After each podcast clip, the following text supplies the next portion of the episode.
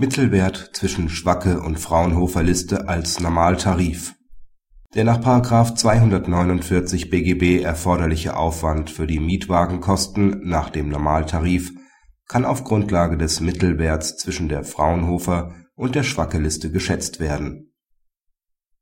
In diesem Prozess ging es wieder einmal nur um die Angemessenheit der geforderten Mietwagenkosten. Ersatzfähig gemäß § 249 BGB sind grundsätzlich nur die erforderlichen Kosten.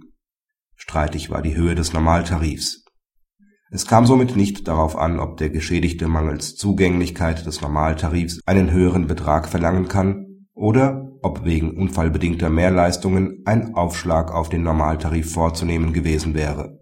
Das LG setzte sich sowohl mit der sogenannten Schwacke-Liste als auch mit der Liste des Fraunhofer Instituts ausführlich auseinander der Vorteil der Fraunhofer-Liste sei unter anderem, dass sie auf anonymen Anfragen beruhe (anders als bei Schwacke).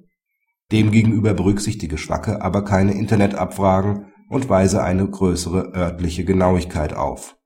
Nach ausführlicher Abwägung der von den Parteien vorgetragenen Vor und Nachteile der jeweiligen Tabellen stellt nach Ansicht des LG der Mittelwert zwischen Schwacke und Fraunhofer die beste Grundlage für eine Schadensschätzung dar Praxishinweis Die Versuche der Instanzgerichte, der Masse der Mietwagenprozesse Herr zu werden, ist nachvollziehbar.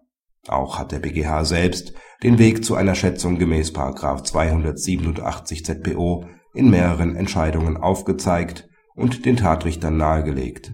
Allerdings darf auch eine Schätzung nicht zu frei sein und ins Blaue hinein erfolgen. So hat der BGH das Freiburger Verfahren, das Dreifache der Nutzungsentschädigung als zu pauschal und zu wenig am Einzelfall orientiert abgelehnt.